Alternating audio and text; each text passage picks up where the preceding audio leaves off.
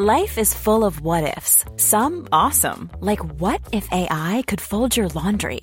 And some, well, less awesome, like what if you have unexpected medical costs?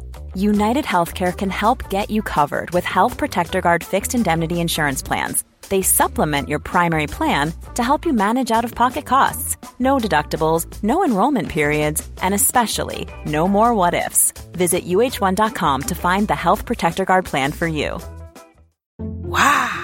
Wow! Nice! Yeah! What you're hearing are the sounds of people everywhere putting on Bombas socks, underwear, and t-shirts made from absurdly soft materials that feel like plush clouds. Yeah, that plush. And the best part? For every item you purchase, Bombas donates another to someone facing homelessness. Bombas. Big comfort for everyone. Go to bombas.com slash ACAST and use code ACAST for 20% off your first purchase. That's bombas.com slash ACAST. Code ACAST. Hallå! Simon Gärdenfors heter jag och snart börjar min podcast Arkivsamtal. Som klipps av min redaktör Marcus Blomgren. Mycket nöje!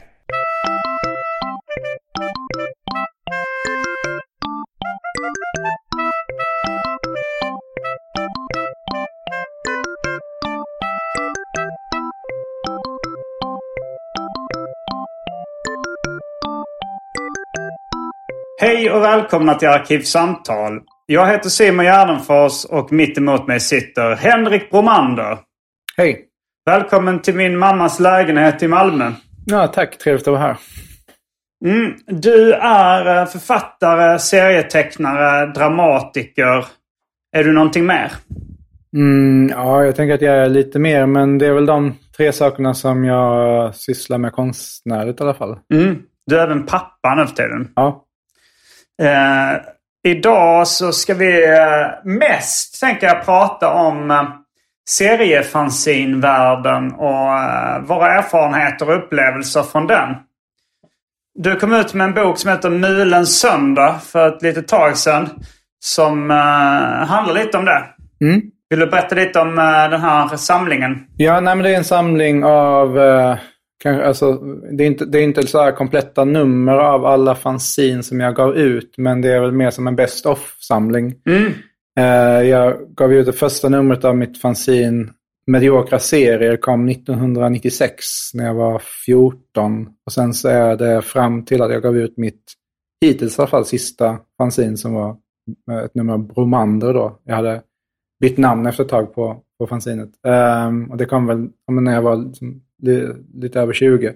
Mm. Um, så det är också ganska mycket så här, någon slags... Um, Så det bara var fyra, fem år?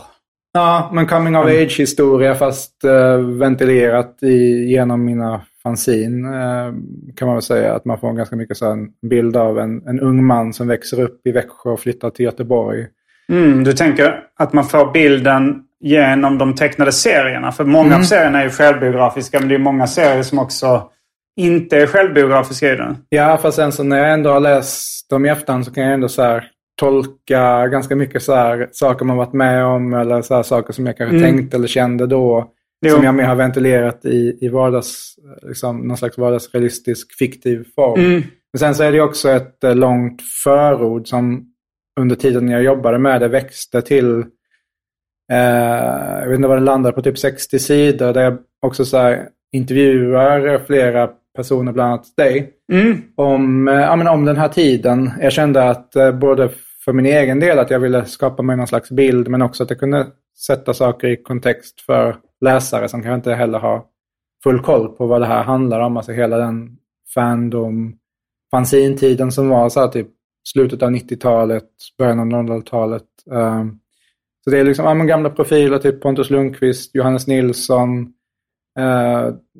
David Liljemark är väl med också, Fredrik Jonsson, uh, Karin Hagen är typ den enda kvinnan. Mm. Uh, som, uh, jag, svar, jag frågade några av de andra fåtaliga kvinnliga Åsa Grönvall. Hon ville inte ställa upp. Nej. Eh, Det var liksom ett, ett avslutat kapitel, eh, i hennes liv. eh, Vilket jag kan också ha respekt för. Absolut. ja, Så, jo, men även om det är avslutat så kan man ju prata om det. Det känns Ja, som det är så nej, ja. definitivt avslutat. Jag pratar inte mer om det här. Nej, eh, Karna Rusek frågar jag också. Just det. Eh, men, men Karin Hagen, eh, hon, hon gav ut ett fanzine som heter Kattröret som bara kom i två nummer. Just det, det, ja. det tredje numret var tydligen gjort men gavs aldrig ut. Eh, men hon, var också, hon, hon medverkade också i det antologifanzinet som jag och Sigge Andersson eh, gav ut som också är med eh, delar av mina bidrag till det. Livets ord hette ju Just det. det. Mm. Men överlag så är det, det väl en, var en väldigt eh, mansdominerad, eh, ganska så snubbig eh, eh, värld. Ja. Som, som formade, tänker jag, kanske både mig och dig på gott och ont. Lite liksom att jag, jag brukar se det lite som så här, min lumpentid. Så att, jag, eh, att, att, man fick lära sig så här, den hårda vägen, vad som var, vad som, hur hur man skulle vara som en, en ung man. Jo, absolut. Jo, det, var, det var ju kanske inte... Alltså, det var ju mest eh, vad man kanske skulle kalla nördar.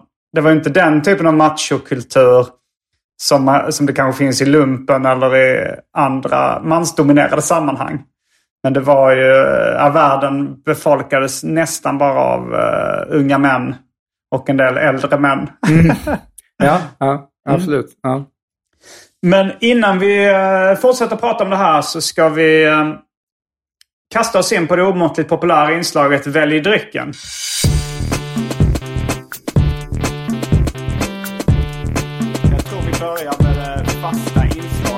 Välj drycken! Och då är det min mammas kylskåp framförallt som eh, står, till, står till tjänst. Jag har frågat henne och hennes sambo Greger, framförallt hennes sambo Greger, om vad vi får ta i kylen. Och eh, Caprisonne eh, med smak av apelsin gissar att vi får ta, men jag är inte helt hundra. Vi får ta starköl, folköl, vitt vin. Det finns Fanta Zero där jag har druckit direkt ur flaskan om man har basilskräck eller sunt förnuft. Eh, det finns eh, pulverkaffe. Det finns eh, vatten. Ja, det var nog det. För tråkmånsar och nejsägare, vatten. Mm. Vi, vi var ju på gång att göra kaffe. Jag glömde nog att ge... Det till att välja dryck?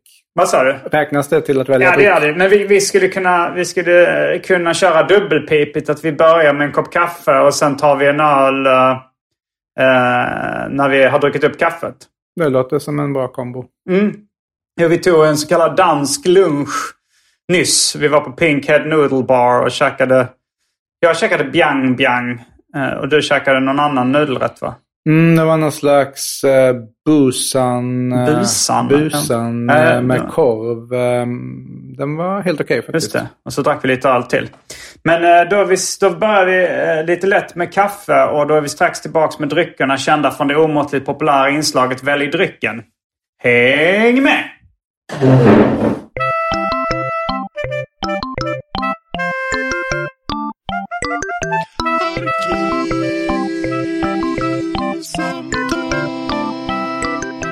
Då är vi tillbaks med dryckerna kända från det omåttligt populära inslaget Välj drycken.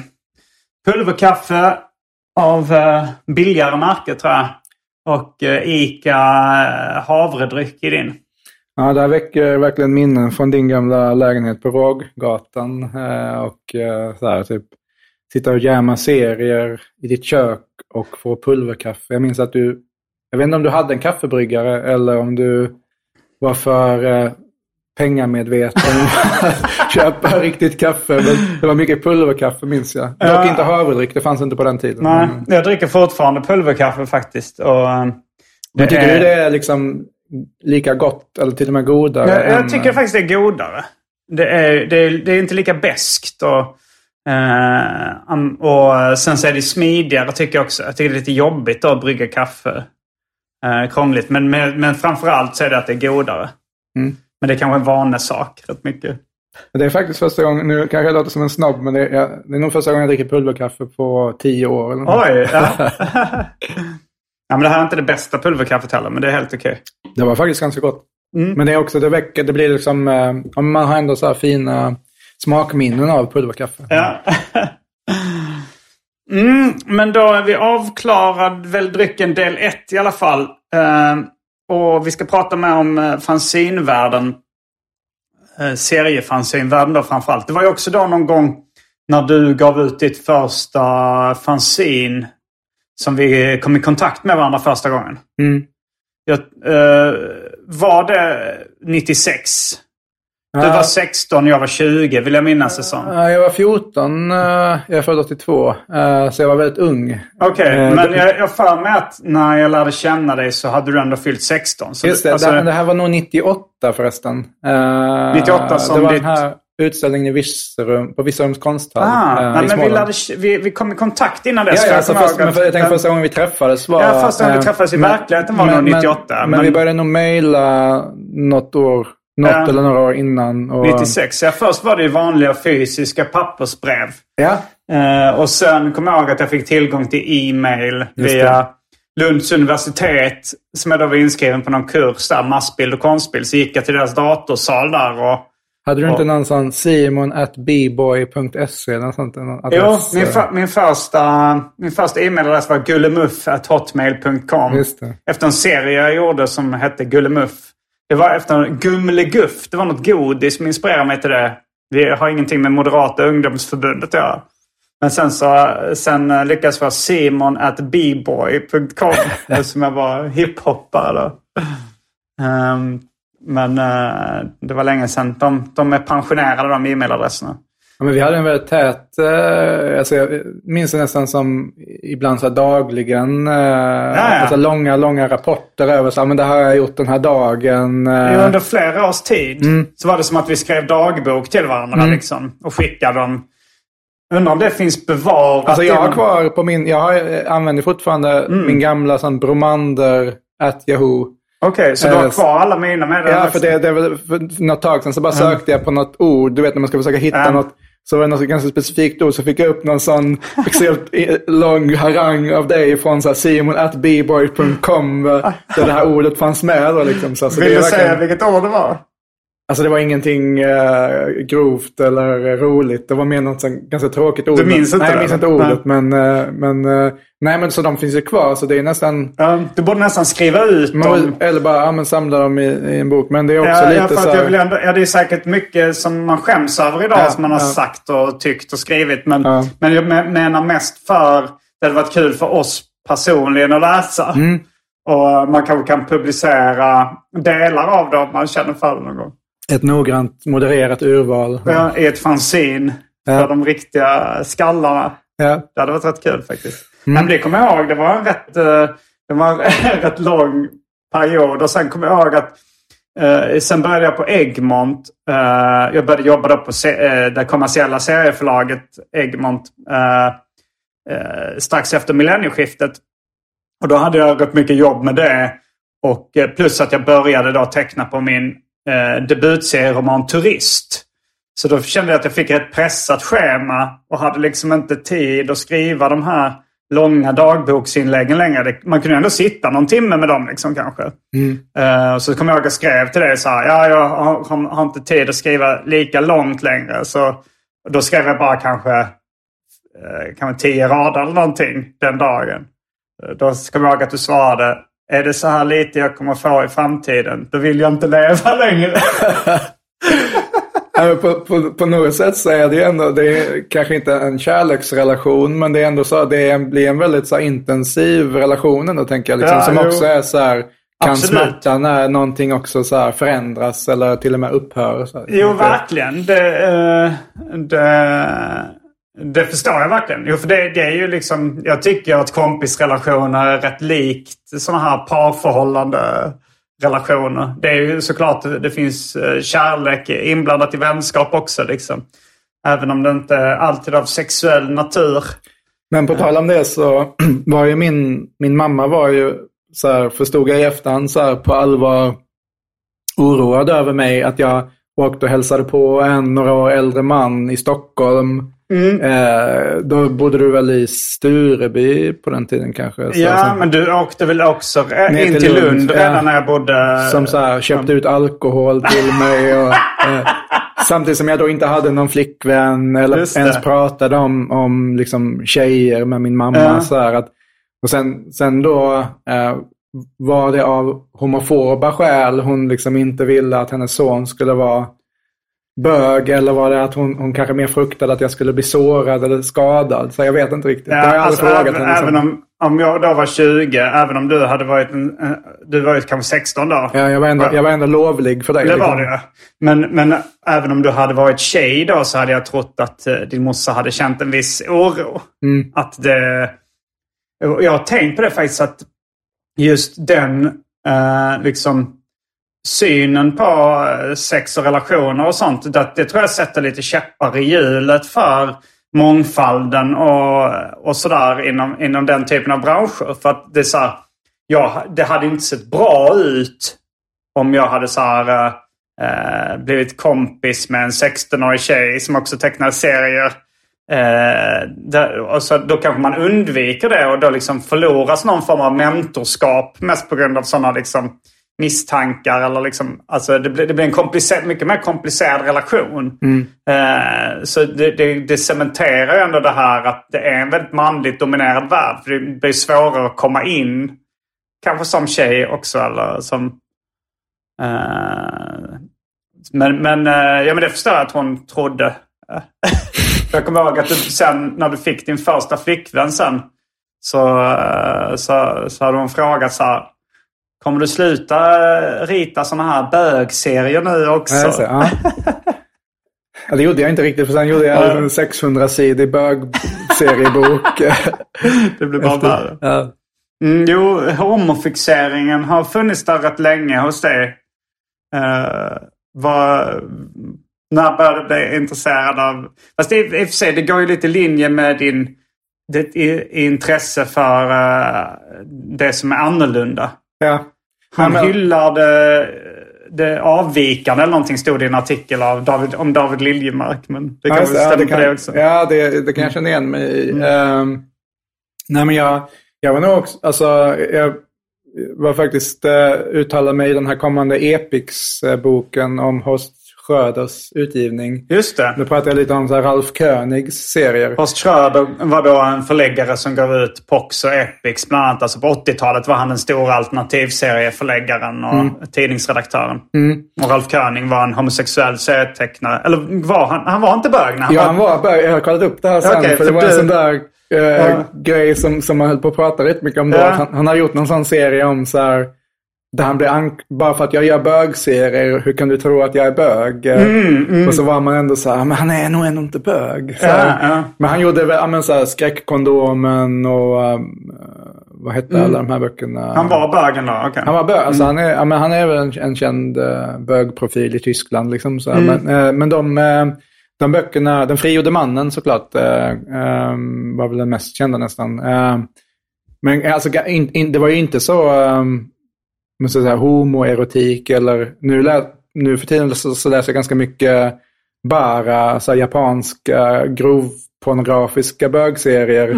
Eh, och de är ju verkligen så, de är gjorda delvis i alla fall för att folk ska onanera till dem. Men jag tänker att man inte kan runka till Ralf König. Nej. eh, Eller då måste man i alla fall vara ganska desperat.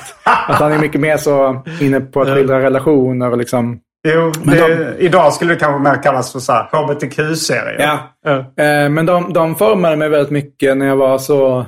Jag läste dem när jag var kanske 13-14. Uh, Gjorde typ en av mina första mer så här, som jag själv var tillräckligt nöjd med för att också publicera i första numret av mitt fanzine som heter Kontaktannonsen. Just det. Den var väldigt så Ralf König-inspirerad. Det handlar liksom om en man som är ensam hemma. Sen, sen så ringer det på dörren i hans villa där han bor då. Så är det en, en väldigt, liksom, eh, han är väldigt liksom, eh, han ska in och eh, Han är han påträngande. är påträngande. Och är väldigt inne på att de ganska direkt ska ta av sig liksom, kläder och, och inleda ett, ett samlag. Men då visar det sig att han har gått in i fel hus. Så att han skulle Ah. egentligen in till grannen. eh, Som är då för huvudpersonen väldigt chockerande att den här timide gubben som han bor granne med har då antagligen svarat på en kontaktannons. För det visar sig då efter ett tag så blir den här påträngande mannen väldigt så här, men vadå, du sa ju, du beskrev vad du ville i ditt svar och liksom, eh, eh, jag trodde att, att det var, men det här är inte nummer sju, det här är nummer nio. men så. Mm, Eh, mm. det, nej, men, den var, men, men då, det jag var ute efter där var ju inte att så, här, men nu ska jag rita en massa roligt bögsex, utan det var mer att skildra den här situationen mer och Mm. liksom också så här känslorna in, runt det. Liksom. Eh, ja, nej, men jag vet, eh, alltså det, det är bara någon, det är någonting som jag har, eh, har funnits där som, som ett eh, intresse. Eh, Mm. eh, Man minns ju också, apropå Horst Schröder, eh, rubriken på hans eh, ledare. Han skrev i någon av sina tidningar med rubriken Är bög bra? Ja, det är en bra rubrik. Kommer du ihåg den? Ja. ja, men det var väl då att han... Jag kommer inte ihåg vad han kom fram till. Eh, han kom fram till att bög bara är. Han hade en rätt ny- nyanserad syn på homosexualitet redan då på 80-talet när homofobi var väldigt uh, utbrett. Även i Sverige. Med tanke på att han publicerade Ralf König bland annat så tänker jag att han ändå var väldigt framsynt. Liksom. Jo, men då så fick han någon arg lapp i sin brevlåda. Alltså det bara, där det var typ utrivna serier med bög, eh, bögserier då. Eh, och så var det någon som skrev, skrivit bara så här, eh, Är bög bra? Svara ärligt. och så skrev han en lång text då där han försökte svara ärligt på frågan Är bög bra? Men det ska bli kul att läsa den här kommande boken. Eh, Den kommer väl på listring nästa år tror jag. Ja, jag blev intervjuad till den också. Det är en, en, eh, en bok om, är det om Epics förlag? Eller Ja, hela förlag och sen mycket så kring... Det finns det där klassiska poxomslaget med eh, Leslie. Leslie Schröder, ja. Som Alltså, hade blivit kidnappad. Just det. Ja. man, så, han använde liksom tidningens omslag till att efterlysa sin kidnappade son. Så Ja, ikoniskt omslag. Liksom. Ja, så där absolut. får man då hela storyn. Och, jag tror han till och med har intervjuat Leslie och sånt eh, för boken. Jo. Du får bjuda in honom till, till eh, podden, den här Robert Eh, Åhman. Nej, Robert Åhman kanske tänker jag. Mm. Ja, ja, det borde jag göra, Ja. absolut. Ja, eller Horst. Ja, Horst har varit gäst i Snedtänkt. Just det. Där han får dra sin syn på saken. Ja. Men, ja, men det, det ska bli kul att läsa. Det, det är en, en rolig värld även om den är, den är smal. Jag, jag, jag vet inte om den världen finns idag ens, liksom fanzins, seriefanzinvärlden. Alltså det känns ju på ett sätt ganska meningslöst idag när internet är så utvecklat att kopiera upp serietidningar på papper och, eh, och distribuera dem. Mm. Alltså det finns väl lite så här, typ serieskolan, vissa sådana gäng som, som ändå så bildas. jag träffade nu någon från där folk från branschen. Eh, de skulle göra något nytt nummer nu och sen det här Mal... Heter fanzinet Folk från branschen? Ja, Okej. eh, och sen Mal magasin. Men de är också, det känns som att de rör sig i gränslandet mellan någon slags så fanzin och mer så, ja men som typ det som blev Grymma Svärdet. Just det, det grymma svärdet är med en serie, eller en tidning, Eller antologi. antologi, ja. En kulturtidskrift, antologi. Ja. Nej men det är ändå folk som gör scenes fortfarande, tänker jag. Men att det är väldigt så... eh, Det är ju nästan lite retro nu. Det är ju som att ge Ja. ut sin musik på kassettband eller jo, sådär. jo men det är, det är verkligen ett statement att göra ett Ja. fanzine idag. Även om eh, kassettband så behöver du hitta en kassettbandspelare. Du kan ju ändå läsa ett seriefanzine Mm. fortfarande, vilket jag föredrar fortfarande. Det kanske är för att jag är upplärd på det, men jag föredrar att läsa en tidning på papper eh, än på, framför på skärm. Ja, jag också. Men det är väl Johannes Nilsson gör väl en, en sån eh, tanke i, i just i förordet i Mul- Mulens eh, kring just så att fanzinet, att, att gör du, gjorde, när vi gjorde fanzin typ 97 så var Mm. det så här för att det var det enda sättet vi hade att nå ut. Ja. Men idag så blir att göra ett fanzin blir mycket mer ett så här kulturellt statement. Mm. Att så här, men det här, nu ska jag så här, definiera mig på ett så här arty sätt. Mm. För att sociala medier finns nu och då finns Mm. inte det här liksom, man behöver inte ha fanzinen för att nå ut. På något, Nej. liksom, så här, då kan man göra det via liksom, ja, Instagram eller TikTok eller Facebook eller vad fan som helst. Liksom, eller en blogg. Liksom. Mm. Eh, att det, då, det har liksom på något sätt dödat i alla fall det behovet av fanzinet. Liksom. Fast litteratur. Eh, du, du är ju också författare av vanlig litteratur. Mm. Hur är det där? Säljs det mer böcker liksom med tryck på papper än e-böcker och ljudböcker nu för tiden? Oj, jag är fel person att fråga. Jag, eh, jag eh, lever väl i någon slags drömvärld där jag ändå hoppas att det säljs mer tryckta böcker. Men jag, Jag skulle vet faktiskt gissa inte. på det också. Ja. Men jag vet inte. Men, men du gav ju ut en bok. Eh, eh, heter den Skymningstid? Mm.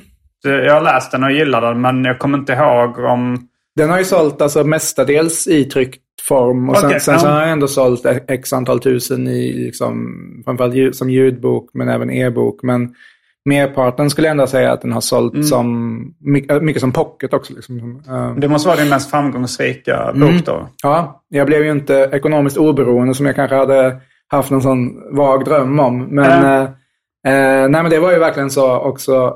En av tankarna med den var så, inte kanske nu ska jag sälja ut, men mer nu ska jag verkligen försöka skriva någonting som Mm. är så här brett och folk som normalt sett inte läser mig kommer Mm. köpa. Eh, så. Men samtidigt så, som, alltså jag, jag gillar den men som spänningsroman så den följer inte de här klassiska liksom pusseldeckare eller liksom den verkar, inte, den verkar inte följa de här klassiska troperna eller reglerna eller uppläggen för eh, en spänningsroman eller en deckare eller sådär. Nej, det väl, visar bara hur, hur dålig hantverkare jag är. För du försökte det? Nej, alltså jag, jag, det har väl, var väl också så, jag tror, jag tror att jag, jag kanske mycket mer ville skriva en vanlig Bromander-roman Mm. än, än, än vad jag kanske fattade. Sen så har jag ändå liksom så byggt, byggt ihop någon intrig. Jag har ju tankar på att eh, skriva liknande böcker framåt och då ska jag nog börja lite i en annan ände med så här, ja men nu bygger jag, ja men mer som du säger, liksom en så här Pusslet. pusslet först och sen lägger på de här liksom, udda karaktärerna eller Just vad det. man vill. Liksom. För vi, vi, eh, vi, när vi käkade lunch innan så snackade vi om att båda vi två hade läst eh, lite böcker om hur man skriver filmmanus.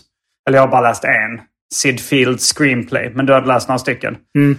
Eh, eh, för bara, ja, du har väl skrivit lite filmmanus också.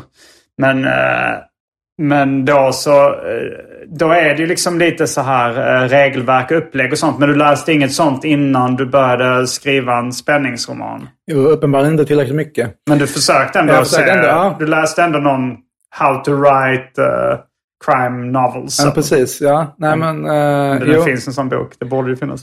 Eh, men det där, alltså det, jag tänker att det kan vara det är svårare än vad man tror. Att man kan, kan så här bara spontanspotta på Camilla Läckberg eller random svensk deckarskrivare. Men, men det är ändå det är ett, eh, det är ett svårt hantverk att verkligen Ja. skapa det här bladvändandet liksom, och de här liksom, oväntade vändningarna och så vidare. Så, jag ser det som, alltså, för mig är det hela tiden ett konstant lärande också. Liksom, att jag är, I och med att jag också är självlärd i allt jag gör så blir liksom varje ny bok eller nytt projekt som jag håller på med också någon slags läroprocess att ta med mig in i nästa, nästa verk. Liksom.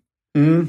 Det kom väl till och med fram att Pascal Engman hade spökskrivit många av Camilla Läckbergs böcker. Ja, han måste ju vara då hantverkarnas hantverkare. Ja. Så det är han som vet alla de här hemliga knepen. Jag såg att han gjorde eh, en anspelning på Las Palmas-låten Spökskrivare som jag skrivit texten till.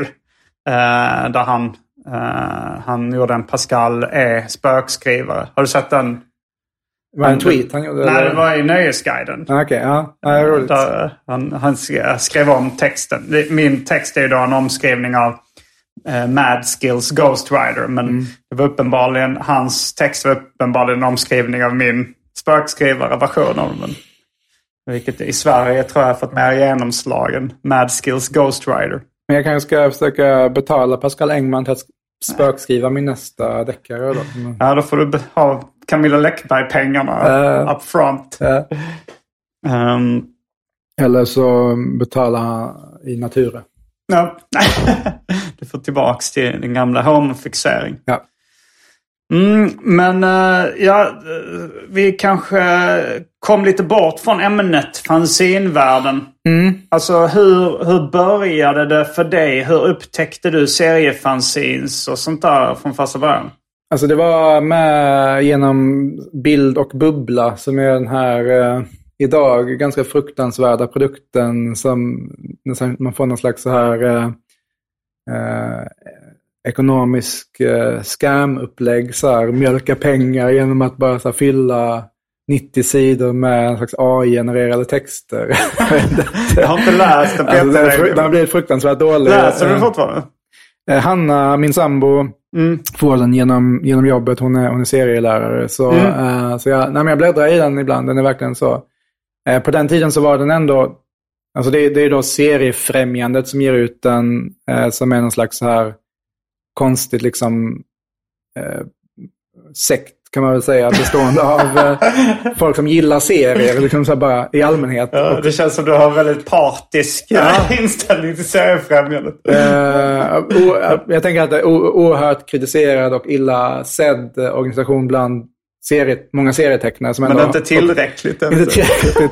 Och, eh, men tyvärr bland så allmänheten. Eller, Ja, det, är mer, det är mer bara underground-tecknarna som den kanske var. Alltså, eh, vi, där vi vände oss ganska mycket mot seriefrämjandet. Men Ja, jo. jag tycker att, alltså så här, nu, jag jag, har känner gjort- ändå lite, alltså nu spontant att de är lite för bespottade de här vinnarna. Jag tänker att de har gjort mer för att förstöra seriernas rykte i Sverige än vad de har gjort gott. Liksom.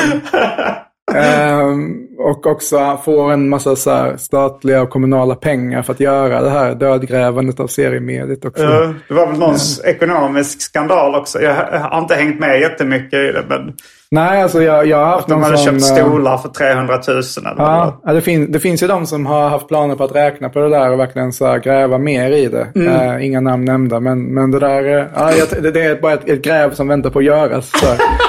Sydsvenskan. seriefrämjargräv. Ja, Sydsvenskan får, får göra det.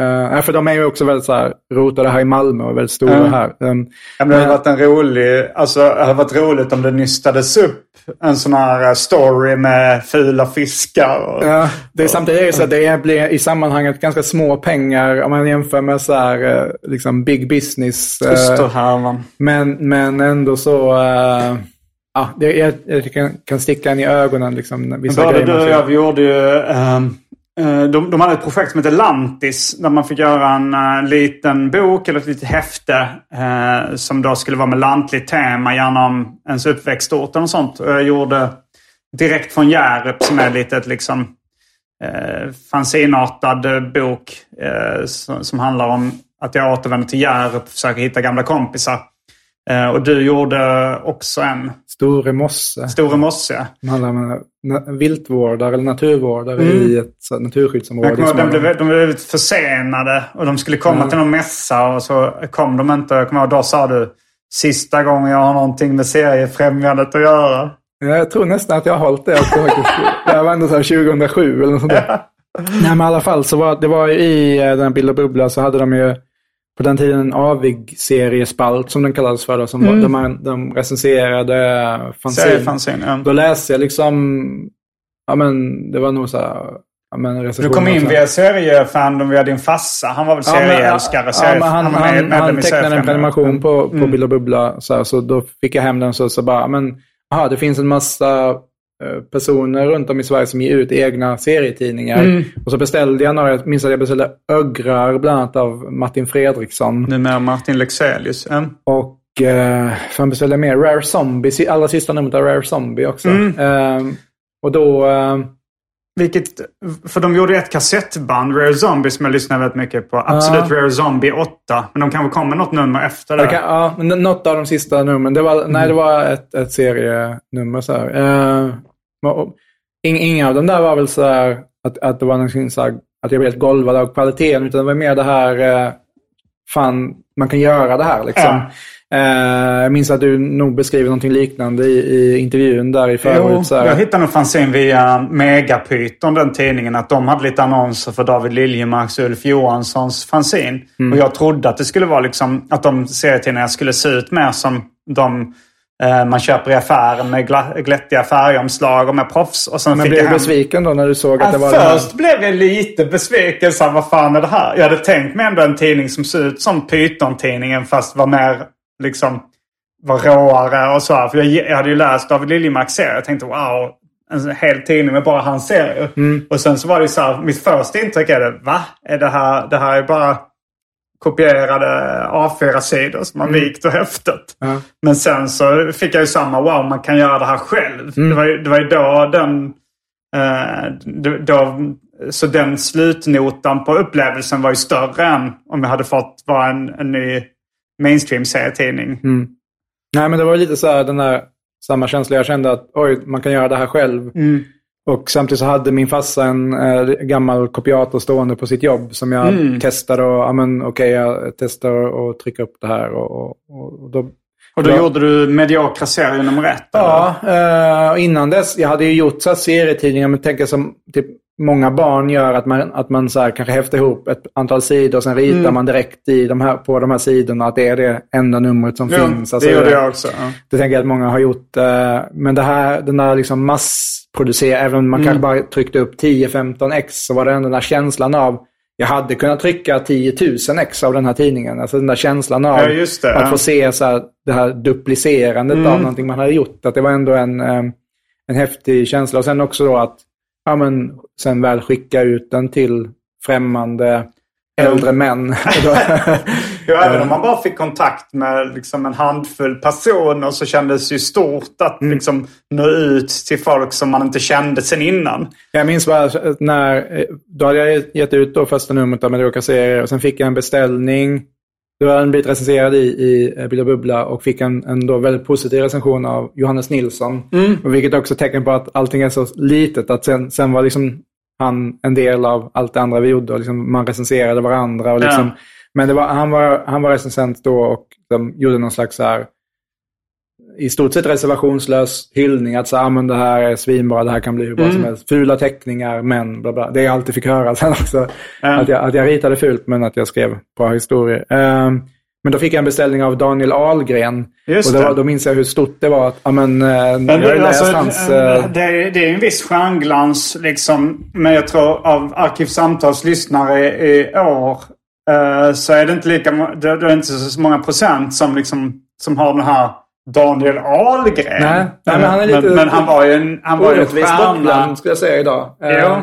Så han, han, nu för tiden gör han mest superhjälteserier. Ja, parodier nästan. ja. Så här. Jag, jag har inte läst... Alltså, jag, en serie som jag är sugen på att läsa är så här, någonting som heter Håkan, den 40-åriga hårdrockaren. Som har blivit utgiven i Japan. Mm. Eh, men jag tror inte den finns på svenska. Men, man blir nyfiken på att läsa den. Mm. Eh, för den verkar vara så en vardagsrealistisk eh, om Mm. en 40-årig hårdrockare. Nej, men jag tycker han, han jag, för ett tag sedan bläddrade jag igenom något gammalt så här, samtalen med, med Stefan, heter Mm. han, hans polare.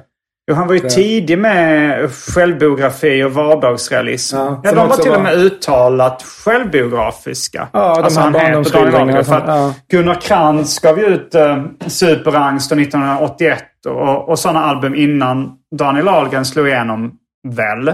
Frågetecken. Men i Gunnar Krantz album har han ändå, där heter eh, huvudrollen inte Gunnar utan heter Johan. Eh, och, men, men, men Daniel Ahlgren måste ju varit väldigt tidig om inte först. Ja, Mats Jonsson kanske var före, jag vet inte. De Alltså känns som att de var väldigt samtida där. Ja, Liksom. de var väldigt eh, samtidigt. För Mats Jonsson har ju, är ju större än Jesus idag. Ja, Eh, men eh, Daniel Ahlgren är lite, lite mer bortglömd. ja, men han är väl så... Uh, bor, bor där i Sölvesborg och ritar sina... Han bor fortfarande i Jag Sölvesborg. tror det. eh, och ritar sina Jag tror han bodde i Malmö ett tag. Men... Ja. Eh, nej, men jag, jag, jag, jag tipsar om folk vill så här, eh, Ja, upptäcka eh, en lite glömd skatt. Så hans gamla, alltså, det var ju på optimal press som hans uh, tidigare Just det. ut. Ingmar Bengtsson då som också var eh, innan Johannes Nilsson så var Ingmar Bengtsson avig-serierecensent. Eh, Jo. Alltså han recenserade de fanzine. Jag tror uh, Ingmar Bengtsson kan ha varit den första som recenserade mig. Eller Mm. så var det Johannes som just hade tagit över då. Jag, jag skickade, för det var nog precis i skarven där, så Mm. jag skickade också ett nummer till Ingmar Bengtsson för bedömning. Eh, För jag, också för att han ju då var förläggare. Mm. Det var faktiskt den första responsen jag fick från liksom ut, utifrån familjen. Och liksom, så här, min mamma och pappa sa ju såklart ja, men det här ser bra ut och vad Ja. duktig du är. Sen fick jag då kanske, ja, men några veckor senare fick jag svar från Ingmar Bengtsson. Ett, Mm. ett ganska kort eh, handskrivet brev. Så var det, stod liksom, för då hette ju tidningen Mediokra serier. Så var det så, ja innehållet gör verkligen skäl för namnet. det var det enda han skrev. Alltså det var ju verkligen det som fastnade. Ja. Eh, och att det blev, alltså för mig då, då var jag väl kanske inte på så den bästa platsen i livet heller. Att det, att det var verkligen så, nej men jag, fan jag, skit, jag lägger ner det här liksom. Okej, jag, ja. fan jag, Okej, ja. eh, jag, hur kunde jag tro någonting liksom? Ja. Och, eh, eh, ja men verkligen så blev jag helt totalt nedslagen. Eh, Mm. Och sen allt det där, allting tog ju ganska lång tid på den här tiden. Jo, Liksom att, Jag kommer ihåg det, kolla brevlådan Ja. varje dag. Och det, det, re, redan då, jag tror även nu, så har Seriefrämjandet svårt att få ut nummer i en regelbunden takt av, eh, av eh, Bild och Bubbla. Men jag kommer ihåg när jag väntade på min recension så tog det tog ett, fan ett halvår innan den kom. Liksom. jo, men någonting sånt. Alltså ett par månader senare, då kom den här Johannes Nilsson-recensionen som var liksom då väldigt hyllande. Ja. Och då var jag verkligen så här, kastade om allt. Bara så här, det är det här jag ska ägna mig åt resten av mitt liv. Eh, så, så, nej, men så, och det, efter det så då minns jag att jag nästan som ett rus ritade andra numret. Uh, Ritade en så ganska lång serie om en man som hämtar hem sin bror från psyket för att han ska Just hälsa det. på. Mm. Eh, Den, den är med, det är den första serien som är med i boken. Eh, Så eh, den, här, den första serien är inte med, den här...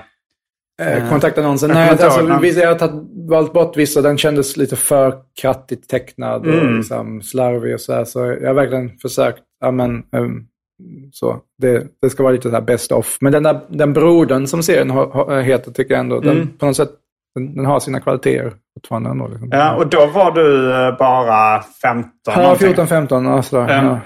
Ja. Du var ju, du var ju väldigt ti- du var lite brådmogen. Alltså så här på...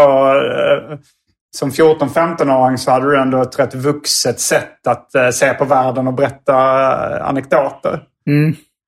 Eh, men det kanske du var, du kanske var brådmogen redan som barn? Eller? Ja, ja, men det var jag nog lite Mm. faktiskt. Eh, ja. Hey, I'm Ryan Reynolds. Recently, I asked Mint Mobile's legal team if big wireless companies are allowed to raise prices due to inflation. They said yes. And then when I asked if raising prices technically violates those onerous two year contracts, they said, What the f are you talking about, you insane Hollywood ass?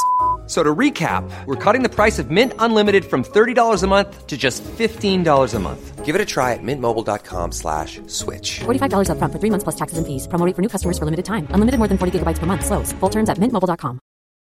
Millions of people have lost weight with personalized plans from Noom, like Evan, who can't stand salads and still lost 50 pounds. Salads, generally, for most people, are the easy button, right? For me, that wasn't an option. I never really was a salad guy. That's just not who I am. But Noom worked for me. Get your personalized plan today at Noom.com. Real Noom user compensated to provide their story. In four weeks, the typical Noom user can expect to lose one to two pounds per week. Individual results may vary. Wow. Nice. Yeah. What you're hearing are the sounds of people everywhere putting on Bombas socks, underwear, and t-shirts made from absurdly soft materials that feel like plush clouds. Yeah, that plush. And the best part? For every item you purchase, Bombas donates another to someone facing homelessness. Bombas. Big comfort for everyone. Go to bombas.com slash ACAST and use code ACAST for 20% off your first purchase. That's bombas.com slash ACAST. Code ACAST. Jag eh, är klar med mitt kaffe och kan tänka mig att gå in på uh, drycken nummer två. Är du, är du på samma nivå? Ja. Eh, men eh, får man välja en Caprisonne? Eh, ja, det kan du få. Det, jag ska träna om eh, fyra timmar. nämligen. Okej, jag ja, tänkte men så då tar jag en uh, folköl så tar du en Ja. Caprisonne. Om jag, dricker en öl vid 12 så kommer den ha gått ur systemet klockan 6. Men inte om jag dricker den klockan 2. Här kör jag stand-up framöver. Kristianstad, Göteborg, Växjö, Stockholm och Sundsvall. Så gå in på gardenfors.com och kolla in biljetter där. Nu skulle vi också ha lite, lite cannabis också. Hade du velat röka cannabis? Nej, men Caprisonne är den, den ikoniska... Aha, eh, är det det? Jag har halkat kap- ur uh, cannabiskulturen helt. finns den här eh, Ozzy-låten eh, Caprisonne och Holken. Ja, jag tänker att... Jag kommer ihåg när jag såg Ozzy och Guled uppträda i Stockholm. Ja. Eh, då hörde jag att de hade på sin rider att det var typ eh, Caprisonne och Hennessy. Ja. Eh, men då tänkte jag mer att Caprisonne var den svenska motsvarigheten till Kool-Aid. Just det. Som är liksom den eh, afroamerikanska klichén av dryck. Men att jag tänkte att det var den svenska motsvarigheten då. Att det var så här ganska billig förortssaft. Saft. Men, eh, Det men, det kanske, men det kanske har att göra med cannabiskultur också. Ja, jag vet inte riktigt hur det här har uppstått. Om det är någon slags eh, tysk eh, eh, grej från början. Men att, eh, det är också fruktansvärt att de har bytt namn till Capri Sun. Eh, men, Jag tror att det kan ha varit amerikanskt från början under namnet Capri Sun.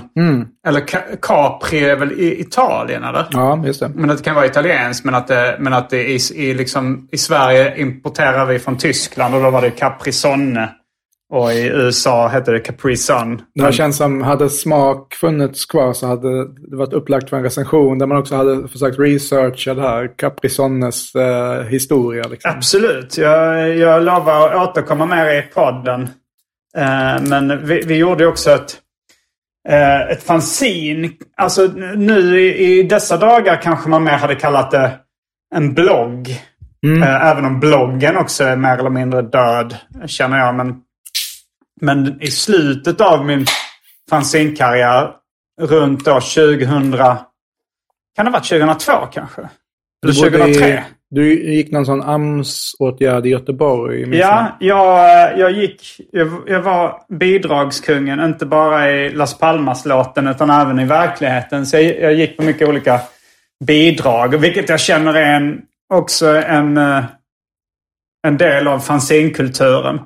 Jag vet inte om det var mest jag som kanske utnyttjade de här olika bidragen. Men jag känner att det är ett sätt om man vill bli fanzinist eller ville bli det så var ju liksom socialbidrag, a-kassa och sånt en rätt bra... Det, det, det kan vi avslöja redan nu. Det finns väldigt lite pengar i seriebranschen. Speciellt i fanzinbranschen.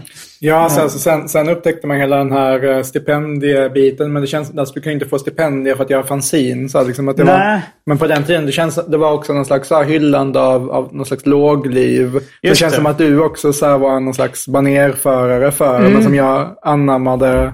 Jo, slackerkulturen och low, low life i allmänhet med liksom så här, eh, låg privatmoral och jag hade alltså lite så här, att vara, att vara en skum typ. Eh, det var, det, jag romantiserade mycket. Det, det, jag hade väl liksom en vag bild av vad som var coolt. Och då var det ju bara så här lågliv och... Ja, det. Men eh, ja, du anammade lite grann också. eller? Jo, jag kände väl, alltså du, du, du var väl också så här något av min, en, en förebild för mig eh, de här åren. Liksom. Som, eh, jag tror på, på det stora hela på ett bra sätt ändå. Det känns som att man kan ha sämre förebilder än, än dig ändå. Liksom. Ja. Du har alltid ändå, fastän du har varit det här, eller så här romantiserat låglivet, har du alltid varit väldigt så företagsam och ambitiös samtidigt. Ja, liksom. det är mycket hyckleri. Vilket i och för sig matchar skum typ att vara en hycklare. Men det matchar inte att vara en slacker så mycket. Nej. Men, eh, men, nej, jo, men det var ju så. Men jo, absolut. Jag kan se både eh, goda och ne- negativa egenskaper man kan ta efter. Från mig. Men, eh, men nu, lever du mest på stipendier nu? Eller får du till in mycket tillräckligt på dina liksom, eh, böcker och eh, teatrar och sånt där? Så ska vi säga, alltså stipendierna är ju en, en del inkomst som kanske innebär att jag inte behöver ha någon slags deltidsjobb. eh, Mm. Så här, men att, alltså, i princip, hade jag levt snålt hade jag nog kunnat leva på enbart mina konstnärliga närliga inkomster. Liksom. Ja. Men stipendierna blir på något sätt eh, ja, men ett sätt att, att för- det gör jag ju liksom jobba heltid med det här. Liksom. Mm. Eh, Och då kan du leva high life. Nej, men jag kan ändå så här försörja min familj liksom, och Ja. eh, ja, leva ett, nå, någon slags normalt Svensson-liv. ändå, Liksom. Jag vet inte var gränsen för high life ligger. Nej, eh, ja, nej, men jag, jag behöver inte liksom, eh, leva på knäckebröd och Nej. vatten. Liksom. Du har råd att resa lite ibland och så. här. Ja, eh, fast det är svårt, svårt med småbarn och så, men eh, jo, absolut. Mm. Nej men eh, jag gick ju på uh, SOS då och eh, eh, gick en... Jag tror det var att jag gick på a-kassa och så sa de så här på Arbetsförmedlingen i Stockholm där, där jag bodde då. Så sa de att eh, du kan få en förlängd a-kasseperiod om du går en så här kompetensutveckling. Och så fick jag kolla igenom vilka kompetensutvecklingar som fanns. Och då var det så här digitala medier för konstnärer. Var då, och då eh, eh, var, var den kursen i Göteborg. På NTI-skolan. Så jag fick bo tillfälligt i Göteborg i ett kollektiv. Eh, och, gå den här, och då så gjorde jag det här fanzinet. Eller vi, vi lärde oss bland annat så här, digitala medier för konstnärer. Hur man gjorde hemsidor. Så jag gjorde en hemsida som var liksom där vi recenserade mat och dryck. Finns den kvar online? Nej, den lades ner ganska, eh, ganska nyligen. Smak.tk? Uh, som- Fanzine.tk. Ah, ja. Eh, men eh, jag vet inte om du har kvar dina texter. Jag har nog kvar mina Kan någonstans. ha en del. eh, Men det var du och jag, Johannes Nilsson. Johannes Nilsson, ja. Eh, Och med lite andra gästskribenter ibland också. Ja, nej, men jag minns att det var väldigt roligt. Eh, Det blev någon slags, för mig, då hade jag ju, på den tiden hade jag så glid, börjat glida över till att även skriva texter. Mm. Jag gjorde några novellfanzin ungefär samtidigt och sen, men det, jag minns att det var ganska, ganska stor grej ett tag för mig att, att skriva de här recensionerna av med allt möjligt. Alltså på den tiden som man så här, rökte rätt mycket cannabis och så fick, ja, men så här, man köpte så här, munchies, köpte konstiga grejer och sen Mm. recenserade det i, på smak. eh, Eller så här, jag gick på någon matmässa. Just det. Så att jag fick, jag vet inte om vi till och med skickade, fick så en sån pressackreditering. var inte vi där tillsammans? Just det, Matmässan ja. i Göteborg. Eller Ja. var det, var det hälsomässan? Vi har varit, jag, jag, jag var på båda i alla fall. Ja. Jag kommer inte om du var med på... Och sen skrev jag en så här resereportage från Thailand och Vietnam. Just och så här, det, och, eh, men också gjorde man ju mer så här utflippade grejer som jag recenserade mitt eget urin. Just det, ja. Den texten blev återtryckt i tidningen Sex. Just det. Ica Johannessons... eh, Hon hade den tillsammans med några andra. Men, Ja. uh, jo, men det, det, var ju, det var väl liksom eh, rätt inspirerat av... eh, vad hette han? Eh, han gjorde en tidning som hette Beer Frame. Just det. Hette han Paul någonting eller? eh, Paul Lucas? Det var en sån där typisk grej som jag aldrig läste. Men liksom, jag läste om den i Mm. Seriechock som var Fredrik Jonssons. Just det. eh, Jag köpte samlingsvolymen som hette Inconspicuous Consumption. Men då var det att han recenserade olika produkter bara. Ja. liksom. Och det var inte bara mat och dryck då, utan det kunde vara liksom en, en, en sån här tandpetarautomat eller något sånt också. Men, eh, men hans sätt att skriva om eh, konsumtion eller liksom recensera produkter där inspirerade väl oss ganska mycket till, till smak. Men, men då nåd, eftersom den var online så tror jag att de, det fanzinet nådde nog betydligt fler än våra seriefanzin. Och du gav också, började också tidigt ge ut uh, textfanzin, alltså med noveller och sådär. Eller tidigt och tidigt, men... Ja, men ungefär i samma veva då. Liksom. eh, och det ledde ju till sen att du uh, började ge, ge ut böcker på riktiga förlag och sådär. Nej, men det var, alltså, jag har väl, hade väl alltid så här parallellt någon slags dröm om att bli här, riktig författare. Att jag har Ja. alltid så läst liksom, skönlitteratur och så vid sidan om serier. Mm. Och det känns som att mina serier, ett, ett tag så blev de väl så här, mer och mer fyllda av text. Alltså, man kan se att så här, vissa serierna i, i Mulens söndagsboken är verkligen så att det bara dräller av. Liksom, Mm. Långa, långa textrutor i så här, pyttesmå bilder. Liksom, så att, och, kanske ett tecken på att jag borde gå över helt till text. Jo, många, många serietecknare, speciellt nybörjare, märker man att de är mer intresserade av teckningarna än manusen. Men för dig var det tvärtom. Att Ja, ibland kunde så. man känna att du var rätt ointresserad av teckningarna. Ja. Jo, det har väl varit lite så mitt, eh, mitt problem. Eller som något. Sen, sen längre fram så har jag väl mer så kommit, liksom, kommit att så här omfamna min teckningsstil och Mm. också se, ha en stolthet kring det. Och, eh, ja, men verkligen också så här, när jag väl gör serier nu för tiden eh, så tänker jag väl att jag, då ska det verkligen vara, bilden är också minst lika viktig. Liksom. Mm. Annars, annars hade jag lika väl kunnat skriva en, en novell eller en roman. Ehm, så, det, så det är väl någonting, alltså, jag har ju så, går ju runt med tankar på att göra en till serieroman. Och då, men då tänker jag också att så, bildberättaren ska vara lika viktigt som, som texten. Så, Mm. det, det tänkte jag ju redan när jag gjorde typ Smålands mörker, att då satte jag upp så här regler för mig själv att det inte skulle vara några textrutor till exempel. Att Mm, jag det skulle var bara, dialog. berätta, bara, bara berätta med dialog eller bilder. Då hade jag snöat in redan då ganska mycket på manga. Alltså så Garo, Mm. 60-70-tals alternativmanga och så. Ja.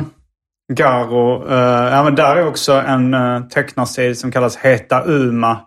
Fulsnygga tecknarstilen. Ja, ja men det kan Eh, jag känna mig lite besläktad med. Ja, och det, det, den är ju väldigt cool. med Olika manér. Det är lite punkig liksom. Mm.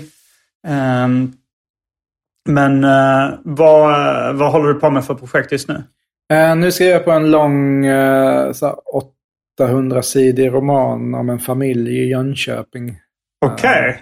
En, te- en text uh, sammanhängare. Ja. Är det din längsta bok hittills? Ja, jag tänker att jag ska bräcka Smålands mörker är min hittills längsta på Ja. typ 600. Så jag tänker det, det, är typ- det är det enda viktiga. Så att det inte är längre. nej, Det nej, men så, viktiga. jag väl blivit, alltså nu när jag fick barn och liksom mina egna föräldrar har ju börjat komma till åren. Så här, få hörapparat och allt. Så här, ganska krickiga. Man börjar ändå så här, se de här, en generation som börjar närma sig eh, slutet och en Ja. ny generation som börjar växa upp. Ja. Att det får en liksom att, eh, ja men få ett, eh, se liksom med en annan blick kanske på, på familjen som sådan. Mm.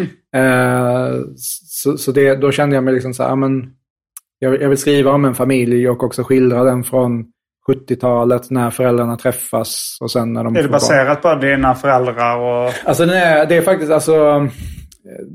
Jag har sagt det till vissa, så här, men det det är det mest självbiografiska jag skrivit fast det är också så väldigt, väldigt omgjort. Så här, men absolut, jag hämtar en he- bitvis så här skrämmande mycket från Jobbar de, dina föräldrar med samma saker som de jobbar med i verkligheten? ja och nej. Jag ändrar vissa detaljer. Okej. Eh, Vissa saker ändrar jag verkligen så att det blir så här... För att skydda dem eller för att, av någon annan anledning? Nej, men alltså det är fiktion, så det är inte som Mm. så här... eh, det är verkligen inte så, eh, typ Vigdis Hjort, om du läst hennes böcker om sin så här, pedofil eh, pappa och så här, liksom. Nej, det har jag inte eh, läst. arv och miljö.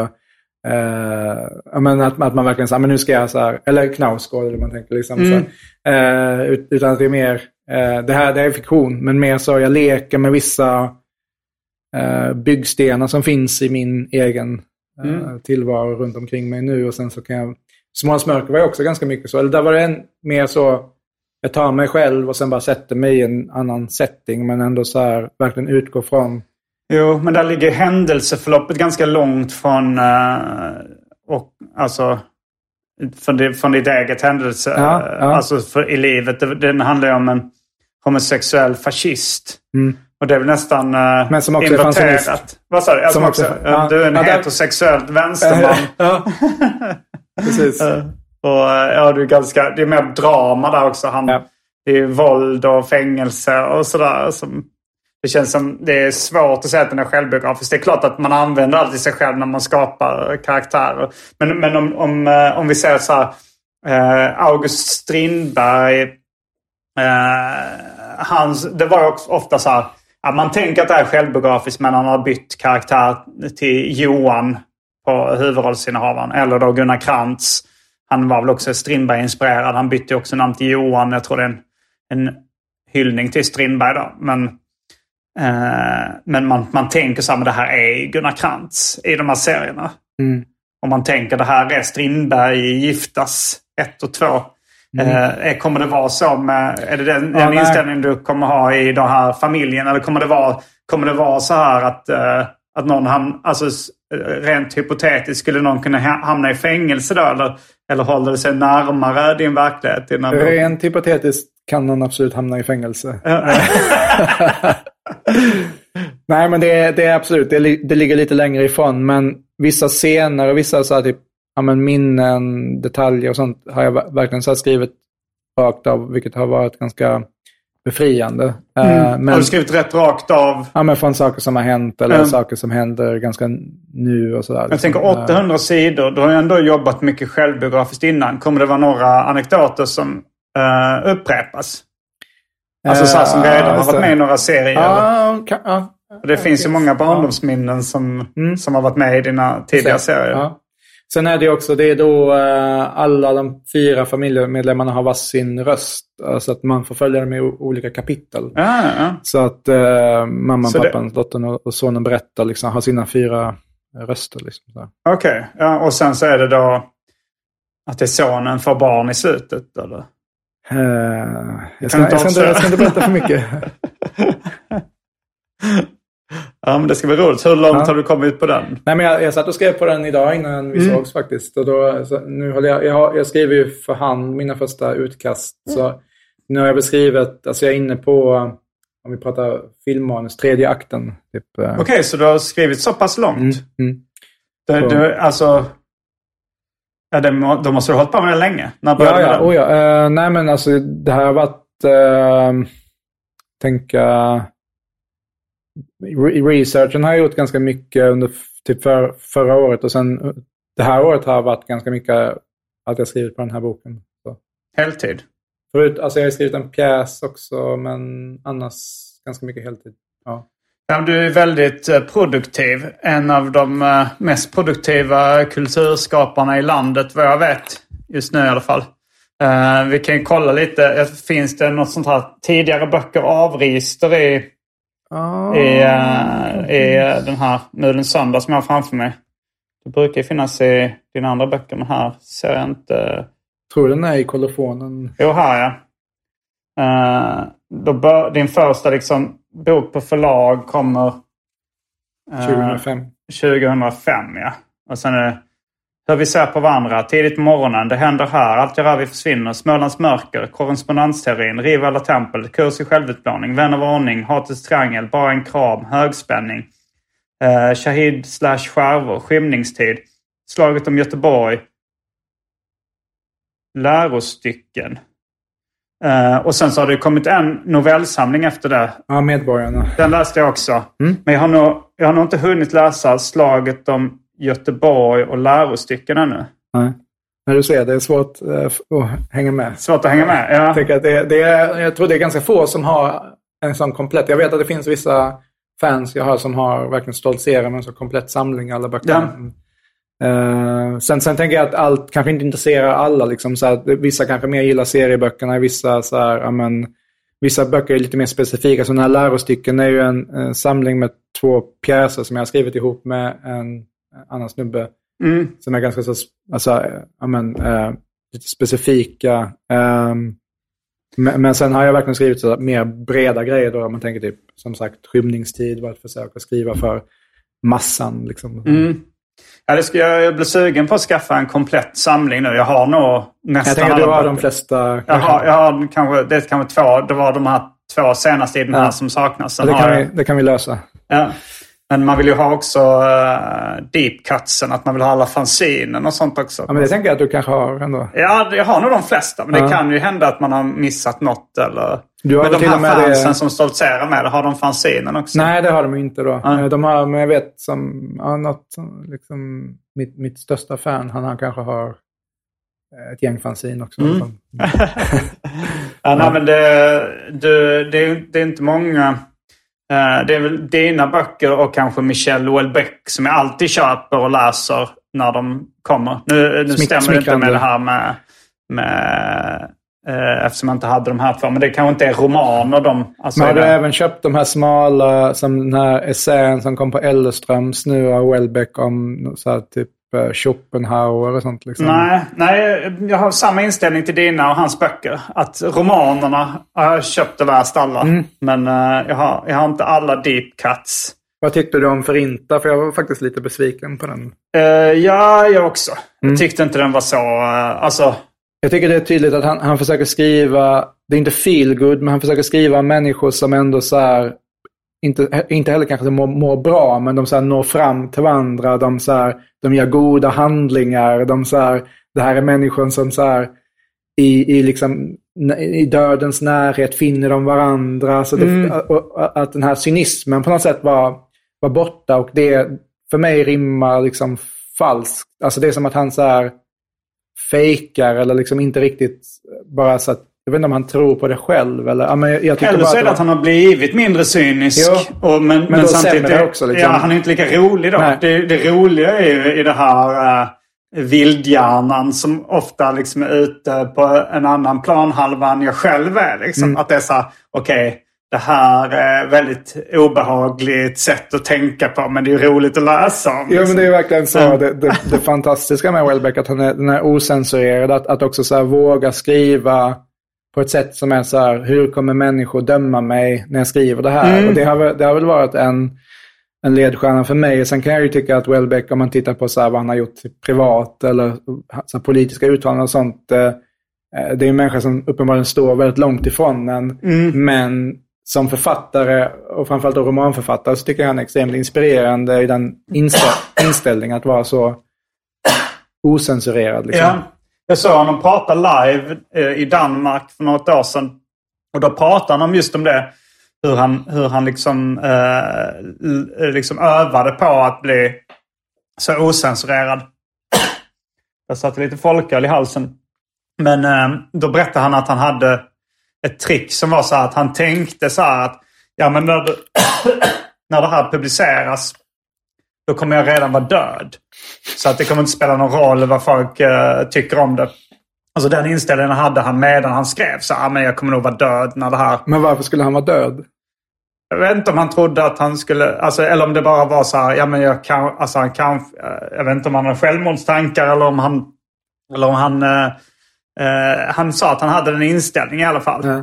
Ja, och sen, sen bara sköt han upp liksom det här. Så tänkte jag så här, ah, men jag, jag, jag behöver inte publicera det här. Eh, liksom, jag, jag behöver inte skicka det här till förlaget. Utan, och sen så liksom, sen bara säga så okej nu bara skickar jag det. Och så tänker jag inte mer på det. Alltså att han, han fick ändå liksom gå in med den inställningen för att kunna skriva så ohämmat som han gör.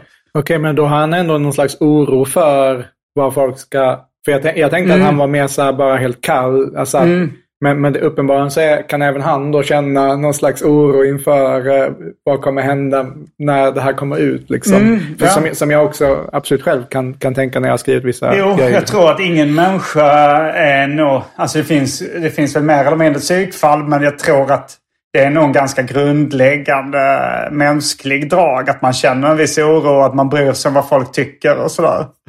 Ja. Även de som är bra på att dölja, dölja det. Mm.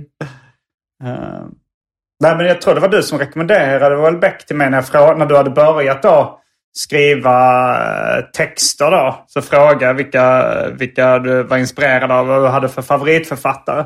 Och då sa du Michel Houellebecq och då läste jag, började jag läsa honom. Mm, nej, men jag, jag var ganska tidigt inne på honom och läste så, Mm. typ konkurrens till döds och så när den kom och plattform.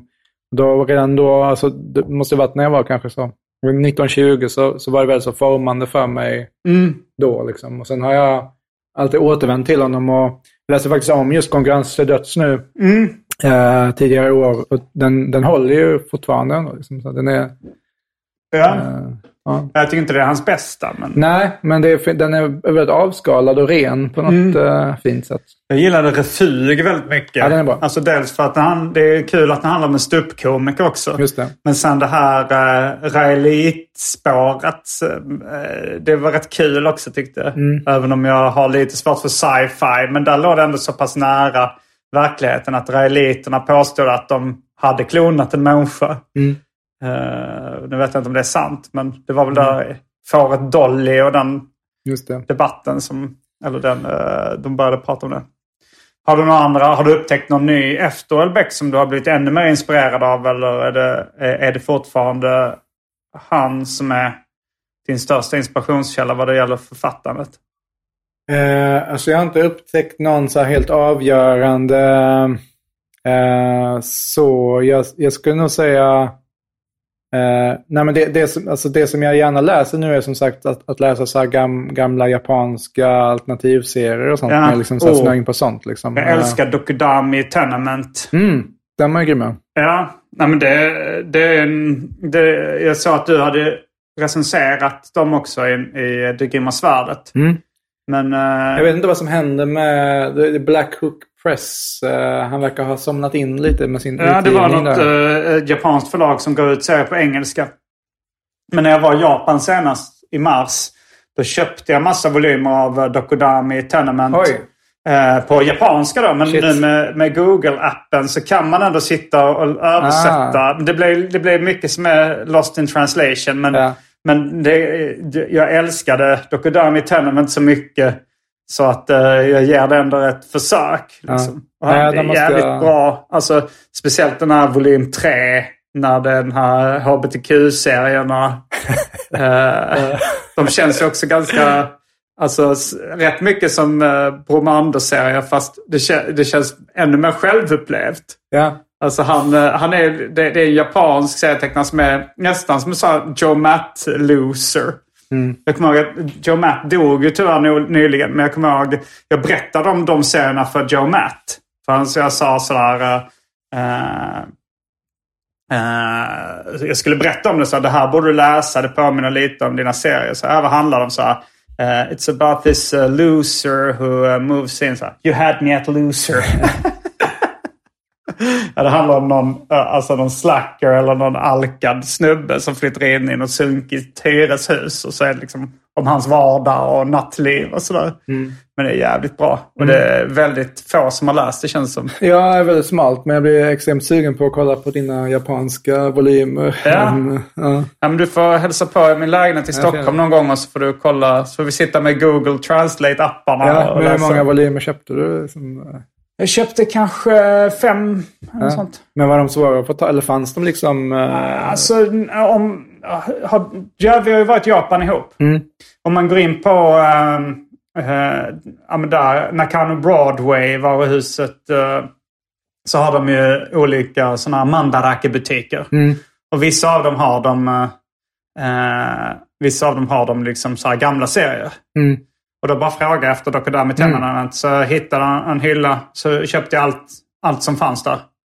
Eh, då hade de fem volymer. Men jag antar att de får in nya och ställer in nya när de, eh, när de har sålt slut. Men du har inte försökt träffa han? Vad heter han den där Black Hook Press-snubben som bor i... Aha, är det Ryan Holmberg? Nej, inte Ryan Holmberg. Nej, han är översättare. Ja, precis. men, eh, Eh, jag, Jag jag vet intervjuade det honom är. eh, via e-mail till Det Grymma Svärdet. Så intervjuade honom. Han har haft så här, han var ganska öppenhjärtig i sin intervju. Att han, har, så här, han är en gammal alkoholist Aha. som bor i Tokyo. Och sen så... Är han japan eller? Nej, han är, jag, jag tror han är britt. Mm. inte, men nånt- han är inte amerikan. Kan vara australiensare. Men, men som han kan då flytande japanska. Han har ju gett ut också någon sån, tror det är Tadao Tsuge, någon liten volym med hans grejer. Han är ju också grym. eh, Mm. Yoshiharu Tsuge och Tadao Tsuge, två bröder som gjorde mycket så Garo-serier. Ja, tidigare, tidigare inom självbiografin. Ja. Men vi måste nog avsluta det här ordinarie avsnittet nu. eh, Och eh, du får följa med in i det Patreon-exklusiva. Är det, ska man, är det liksom en skillnad i så här, eh, det är då den riktiga dirten kommer? Eller? Ja, du, du, du kan vara betydligt uh, smutsigare då efter det här. Då måste folk eh, donera en valfri summa. Ja, då har vi börjat prata om uh, kändisar med cancer. Och... Det kan vi göra om du vill. Varje vecka så släpper jag ett bonusavsnitt av den här podden exklusivt för er som donerar en valfri summa per avsnitt på patreon.com arkivsamtal. Patreon.com arkivsamtal alltså. Det finns redan över 40 exklusiva avsnitt som du får tillgång till. Så det är mycket kul för valfri slant. Vill du bara vara schysst och säga tack för åratal av underhållning så kan du även swisha en slant på 0760 72 47 28. All denna info finns även i avsnittsbeskrivningen. Och glöm inte att följa mig på Instagram och andra sociala medier. Där bjuds det på gratis skämt och mycket annat. Då är vi strax, eller vänta, inte strax tillbaks. Det var allt för den här veckans ordinarie avsnitt av uh, Arkivsamtal. Eh, jag heter Simon Gärdenfors. Jag heter Henrik Bromander. Fullbordat samtal.